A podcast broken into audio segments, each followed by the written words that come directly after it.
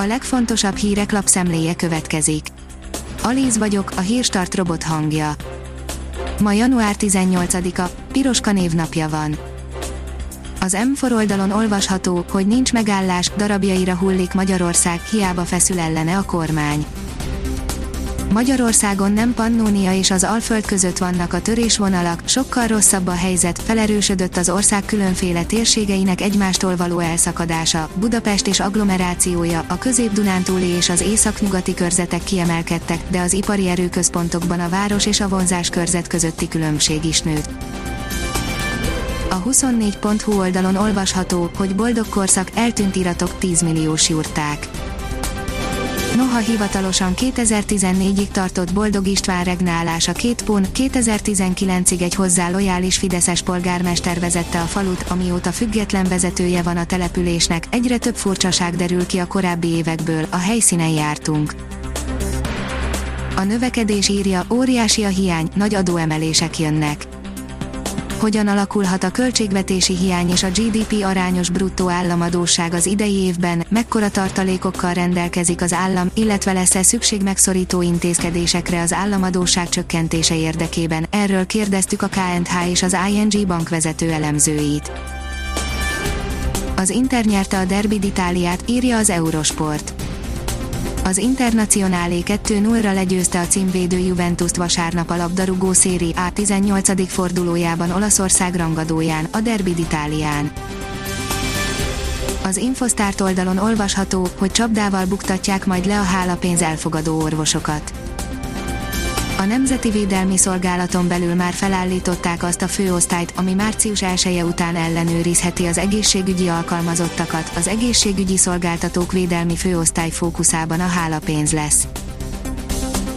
Azaz én pénzem oldalon olvasható, hogy így trükköznek a kifizetésekkel a biztosítók súlyos gondatlanságra, a szerződés megkötésekor még nem létező kifizetési maximumra, sőt hibás számításra, utólag változtatott megállapodási szövegre hivatkozva próbálják a biztosítók elkerülni, hogy kár esetén megfelelő összeget térítsenek, tallóztunk a pénzügyi békéltető testület eseteiből.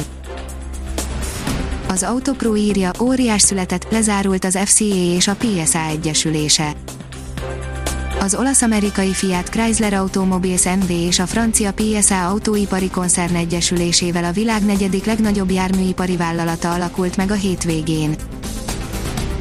A pénzcentrum írja, kilátástalan helyzetben rengeteg nyugdíjas, a csok babaváró menti meg őket.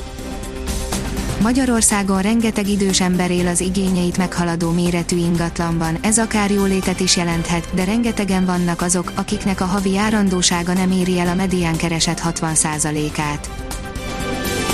A vezes szerint használt autó, erre a bajra nem gondolsz, de előfordul. Fiatal, magyar, szervizelt családi autó, ismert háttérrel, erre vágyik a legtöbb használt autóvásárló, és még ez sem garancia a nagy fogásra, amit egy Opel igazolt.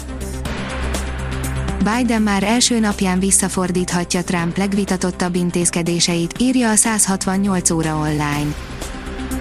Egyebek mellett szigorítaná a maszkviselést, valamint állampolgárságot ajánlana ott élő bevándorlók millióinak.